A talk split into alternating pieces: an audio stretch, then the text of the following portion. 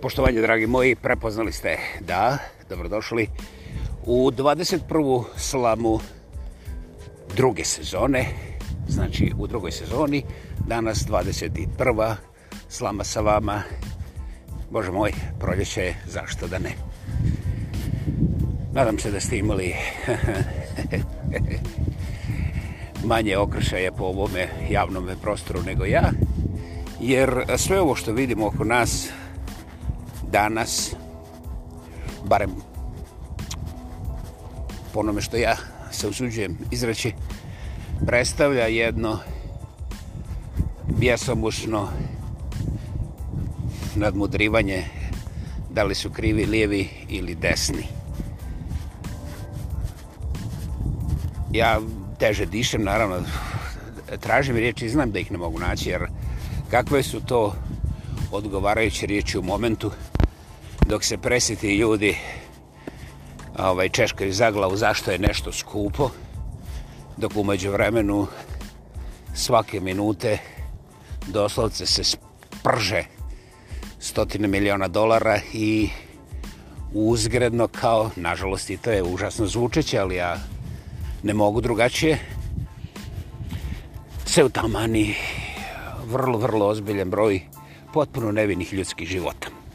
Dakle, da li su tu životi od plave ili žute boje ili ne znam koje druge izaberite. A ovaj, da imamo imalo obraze, to bi bila najveća sramota pomisliti. Jer ne postoji boja s kojom možete obojati neko dijete ili neku baku ili, ili neku mamu i tatu. Pa onda sve dvonožne i onda da ja njih zbog te boje izlažim raketnim ili balističkim projektilima ili tako nekim super brzo pržećim kemikalijama koje urnišu čovjeka u manje od onoliko koliko ja mogu izmiriti sa svim spravama koje su mi na raspolaganju. Eto, o tu da ja govorim da živim u primitivnim vremenima koja su takva kakva jesu i eto, jedan dobar izgovor Pa nisam ja to uradio, nisam kriv. Znate, smeta me ovo što sam morao reći, ali ovo je podcast koji ne želi ići preduboko i predaleko iz zilion dobrih razloga, ali molit ću lijepo, ako neko napravi tako neki alatčić s kojim može ovu planetu da sprži, ali da počne od Kine, recimo. E, vi ćete mi reći da vas se to ne tiče. Ili recimo, hmm, ako gladuju samo oni u Biafri, eh, kod vas u vašem susjedstvu, barem u vašoj ulici, svi su ovako podebeli, debeljuškasti, možda skupije ulje ovih dana, ali eh, niko nije baš gladan. I onda to se baš ne tiče. I sad možete sami da razvijate druge scenarije. To ste znali i bez da sam vam ja rekao, ali eto, ja sam podsjećao malo na te slikice iz jednog ekstrema u ovoj nekakvi drugi. I... Ljudi, koja još gadost nezamisliva, jer sve zamislive su već urađene, koja gadost će nas probuditi? Znate, to da li su zločin ili nisu, ja sam personalno na to otupio, jer čim počnu videnjaču zločin, zločin, zločin, jedna, jedna jedina stvar koju ja zasigurno znam, to je priprema barem novih pet zločina, jer mi moramo odzločiniti one naše. Dakle, u ovoj grube rečenice se krije nešto što je nepogrešiva praksa u zadnjih 2000 godina, dobro, 2000 godine, jel? u redu, ok, ok, i, i to isto. Znači, izaberite svoje vjerilo. Ovaj, svi naši heroji su krvavi mesari ljudskoga, znate? A ovi koji su oni iskrvarili, samljeli i prežerili, razumiješ, su uvijek bili neki avari nekakve, nekakve životinje, zvjeri, beznačaj da ovi naši heroji upravo zbog toga imaju sve naše trgove, spomenike, škole, ne bi zaberite. Znači, što je taj neki, neki naš deran više njihovih poklo i pobio, utamanio, rastavio od života i tako dalje, možete da pretpostavite, to je veći heroj. Recimo, Evo ja ću poigrati se malo jednu igru koju možete vrlo, vrlo brzo, vrlo, vrlo jednostavno i vrlo, vrlo, vrlo, vrlo, vrlo ubjedljivo provjeriti. Dakle, umjesto filozofiranja idemo konkretno. Knjige kažu, daleko, daleko prije Hitlera, na puno manjem prostoru nego što je Europa. Jer Hitler ipak pokrenuo ta rat po cijeloj Europi, dobro, bio ga, malo ga je bilo u Africi, ali, he, bože moj, E, dakle, gotovo 100 godina prije Hitlera bi jedan deren koji je u puno kraćem vremenu puno sistematičnije ubio puno više ljudi na načine koje vi e, eh, neću se sudi da kažem ne možete zamisliti ali te načine ja ovdje neću evocirati ako vas zanima izvolite, proučavajte ima nevjerovatno puno dokumenta na internetu I sada vi pitate, a šta, zašto je to važno? Pa recimo, taj deran je po najminimalnijim procjenama utamanio barem pet puta više potpuno nevinih ljudi koji nisu bili politički angažirani uspotrčeno i čak ni nacionalno, čak nisu pri, bili prepreka njegovim trupama i šta je znam već, izaberite šta god. I on ih je ovaj, tako temeljito tamanio i tako brzo da je iz iste familije regrutirao ubojice. Da, da, znači, u istoj familiji ako hoćeš da proživiš, onda ti lijepo pobiješ svoje ujne, strine, stričeve i tako dalje i tako dalje. To je jedna od metoda koja je radila fantastično jer je to smanjivalo trošak ovaj, po ubijenoj glavi, a poveće, povećavale navodno vjernost velikom lideru. E, nisam rekao što, ba to je nemoguće. Ba pa dobro, ali bilo je, bilo je prije 150 godina, 170, pa je možda. Pa znate, možda, nemoguće tako lijevo desno, ali ću vam reći brojku. Brojke se rastežu, pošto niko nije bio dole da drži brojčanik, a nije bilo interneta, zna ipak 150, 170 godina ranije. Ovaj, to je bio belgijski kralj Leopold II. Procjene knjiške, one koje ćete naći na internetu, govore, da je on potamanio u Kongu i okolo Konga oko između 50 do 150 miliona ljudi, dobro ste čuli, 50 do 150 miliona ljudi.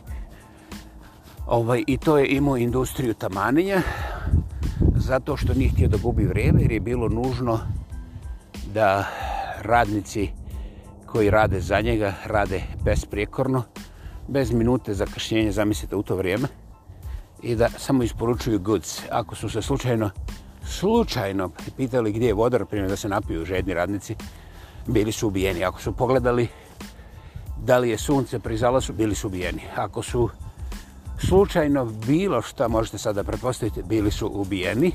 I njihove ubojice nisu bili belgijanci jer ih nije bilo dovoljno da ubijaju toliko ljudi, nego su bili njihovi iz njihovog plemena, pa iz njihove familije i tako dalje i tako dalje. Znači, mi o toj monstruoznosti, recimo ja u svojoj školi nisam čuo da je to moguće, ne, ni slučajno, a imao sam vrlo, vrlo pametnih i obrazovanih učitelja, nastavnika, profesora, kako hoćete da ih nazovete, nikad pomenut.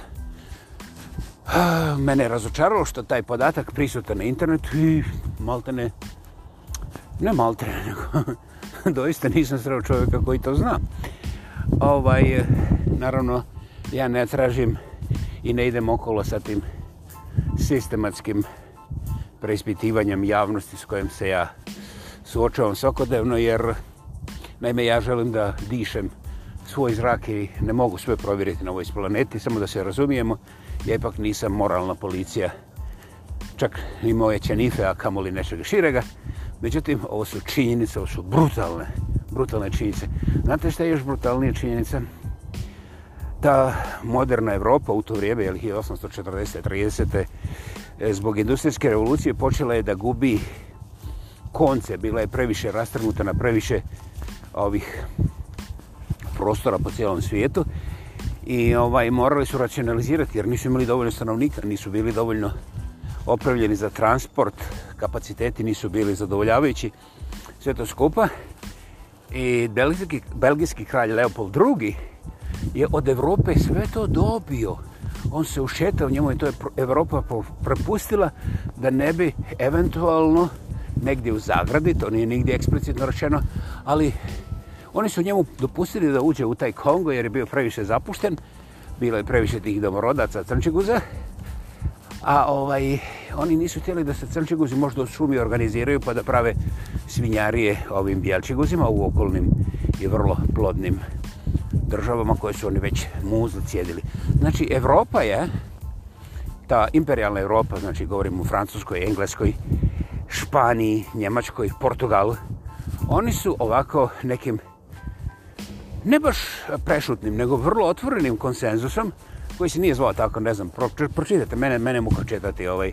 Oni su čisto, čisto politički se dogovorili da je dobro da jedan od ove bjelčigunske krvi vlada sa tim domorodcima, i niko nije postavio nikakva pitanja gospodinu kralju Leopoldu II koliko će on ucmekati tih crnčiguza u tim pustinjama, ne pustinjama, nego džunglama Konga u to vrijeme.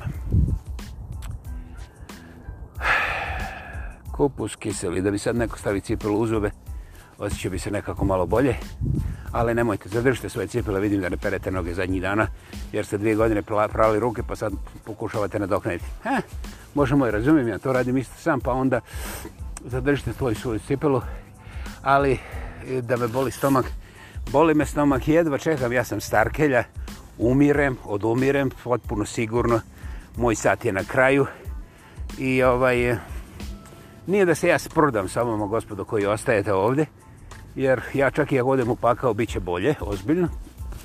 Ne da vjerujem, nego ono, uvjeren sam, trčim da geknem.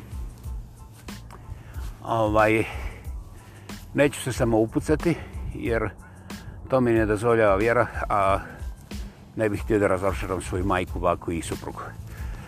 Dakle, ako neko želi da puca, također će morati da cilja jer ja ću sa metkom proći kroz, toga, kroz tu osobu jer, znaš ono, pošto su mi zalijepili sve moguće naljepnice, a ja sam i onako mrtav, kad neko povuče pljucu da me ispuca u facu, ja ću onda prići, tako barem ako ne budem imao snage kad budem pada onako raskrvavljen i razvozen, da mu brote malo odijelu, znaš da me se sjeća i te stvari ovaj, dakle, da li to dokazuje da sam hrabar? Ne, ja sam stalno govorio, ja sam govorio, ja sam napisao puste traktare, traktate, barem jedno tresetak.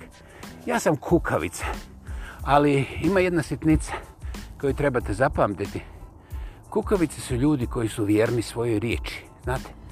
Ja znam da nisam hrabar, ja, ja nemam to, ja nemam kitu da, da umlatim milijon i pol ljudi iz čista razloga. Ne, to, to se ne može desiti, ja ću prije dozvoliti da čim počne razgovor, neće prije da zvolite da me neko upuca, naravno, ako može da, da prođe kroz mene, jel? Jer ja ću ga malo morati ono, zašiljiti za vrat. Dakle, ovaj, ja nisam taj hrabar deran, ja ne vidim sebe da budem ime neke ulice trga ili nekakav, nekakvog važnog spomenika. Ja nemam kitu ovaj, za, za 15 tona bronze i to se neće desiti čak nikad se napijem ili bob ulazim do kraja. Nijednostavno se ne može desiti ovaj mene bi mrtvoga bilo sramote i ta moja bronza bi bila totalno impotentna. Ono samom bi se od sebe raspalo od muke. Tako da, čak i ako mi se dodili nekakav spomenik, on će samo od sebe da se ugovnja i da pobjegne u kanalizaciju nakon na sporedni ulaz. Dakle, razmislite. Uz, uz uh, aplauze tadašnje napredne imperialne Evrope, znači Francuska, Velika Britanija, Njemačka, Engleska, Španija, Portugal. Jedan mali govničivo je Leopold II, koji je bio kralj jedne potpuno rekreativne nacije, koji je danas rekreativne nacije. Recimo, Vancouver Island je veći od, od, od ove Belgije, provjerite. Vancouver Island ima jedva nešto preko 700.000 stanovnika Belgija, šta je znam, dogurao negdje do, do 16, koliko mi se čini. Ako ima koji milion manje ili više, to mi isto ne zanima. Međutim, ja vam samo dajem ilustraciju. I ta i takva Belgija je mrtvo hladno slavila svoga kralja Leopolda II. I ako danas odete u Brisel, gdje su svi oni pravednici i ta pametna Evropa, onda ćete vidjeti dosta toga od kralja Leopolda po tim briselskim džadama i izvolite izvolite onda izvući zaključak jer izbrisila se dijeli evropska kao pravda, kao svjetska neka kultura i te stvari. Ja ne kažem da to nisu kulturni ljudi, daleko od toga da, da bih ja mogo njih da ocijenim. Oni su pametniji od mene, moćni, imaju više para i oni su za te pare i za svoj obraz odlučili da gospodinu kralju krvožednom i morbidnom ne samo da mu ližu guzu, nego da ubjeđuju svoju djecu da bolje kralja od tog kralja nisu mogli ni zamisliti. Jer, znate, neko bi se mogao sjetiti koliko je kralj iscijedio ovoga ne samo ljudskog materijala, nego takozvanih tih dolara ili eura, a svi su na to osjetljivi. Preosjetljivi, ja bih rekao, morbidno preosjetljivi. Preosjetljivi. Dakle, sve su to prodate guzice i moram vam reći, strašno cijenim prostitutke, jer kod njih je vrlo jasno koliko platiš, toliko klatiš. I taj zanat rade tisućama godina i primuju na sebe susramotu koja je zapravo, evo vidite gdje bi trebala biti, ali još uvijek nije jer nijedna prostitutka se nije sjetila da bude ovaj državnik ili spasilac ili nekakav mirotvorac pa da onda gradi sebi spomenika, ali prije spomenika da počapa svoje nacionalne banke. Naravno, sve to ne može ići bez ove krvi, jer e, ljudi kada im uzimate njihova esenciju njihovog života, oni hoće da znaju zašto, a to onda kreira pregovore, a ti pregovori uzimaju vrijeme, napor, trud, rad. Jebeš to kad možeš da ga ukokaš odmah i onda još da regrutiraš iz njegove familije, ove koji su naš pohlepni da im obećaš, hej, vi ćete dobiti žetone za McDonald's i to za subotu i neđelju. Ako ih pokokate prije četvrtka. I to radi svaki put. Svaki put. A, da li to ima nekakve... A, ne, je geometrije, da li je paralel simetrija ili bilo kakva druga. Da li to ima nekakve sličnosti sa ovim nekakvim stvarima koje se dešavaju ovih dana, mislim na poskupljenje sladoleda u ovim nekim prostorima. Nisam se s tim bavio, to je istraživanje koje će vjerovatno ostati za neke buduće generacije. Ovaj, ali eto, ja nisam tijel da prešutim ovaj dio o Leopoldu, jer eh, ja znam da dosta vas se prošita kroz Brisele. Evo, prošao sam ja prije 4-5 godina, naravno samo preko aerodroma, vidio sam ih od ozgo iz nebesa, ali to ne znači ništa, nisam bio na ulicama. Međutim, Brisel je fantastično dobro zastupljen na Google Maps, one 3D, pa možeš onda prošetaš, pa onda imaš fotografiju, pa imaš film, pa imaš sve živo, pa možeš ući u laboratoriju, pa možeš ući samo u one dvorce, pa možeš ući u, u muzeje, pa sve i čak i ako ne znaš, vrlo brzo ćeš otkriti da je Leopold prisutan na masu mjesta i ovaj, pitat ćeš se kako je to moguće, vrlo lako, jer prije jedno 7-8 godina kada su se neki studenti usudili postaviti to pitanje ovaj koliko su mu krvave ruke i tako dalje.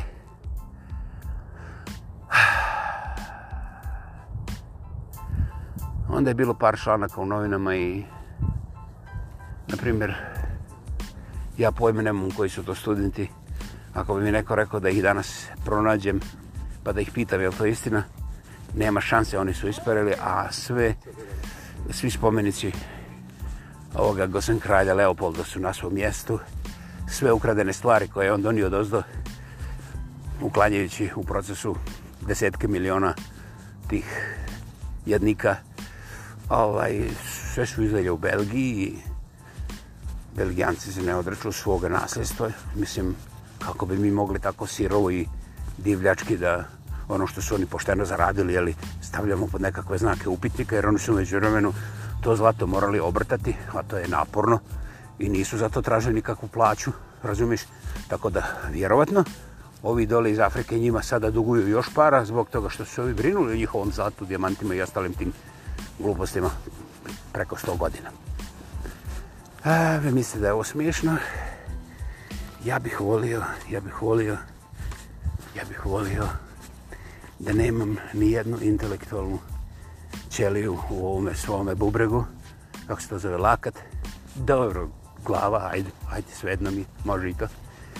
I da onda pojma nemam sam u tome, jer gdje god, udar, gdje god udahnem, gdje god dotaknem, gdje god pomislim, uh, toliko je prepuno besmislene krvi, beskrajne, da bi doista volio da, da, da, da ima tih nekih Marsovaca. Hej, Marsovac, tu sam skupite me pa me bacite jednu 100 miliona svjetlosnih godina lijevo desno. Ozbiljno, neću se buniti tetke mi, ni slučajno. Eto, to je u 21. podcastu druge sezone Slama sa vama. Samo proglašeni lingvistički aktivist. Ja pa ja, monumentalno autentični, ja pa ja. Ako bi drugi Vladimir kreće sa predivnih, predivnih, predivnih i legendarnih Sjenovitih planina. Danas mi se kulja ovo i morao sam da stavim na ovaj zapis. Morao sam jer e, mene i ovaj podcast ne slušaju deseci tisuća ljudi.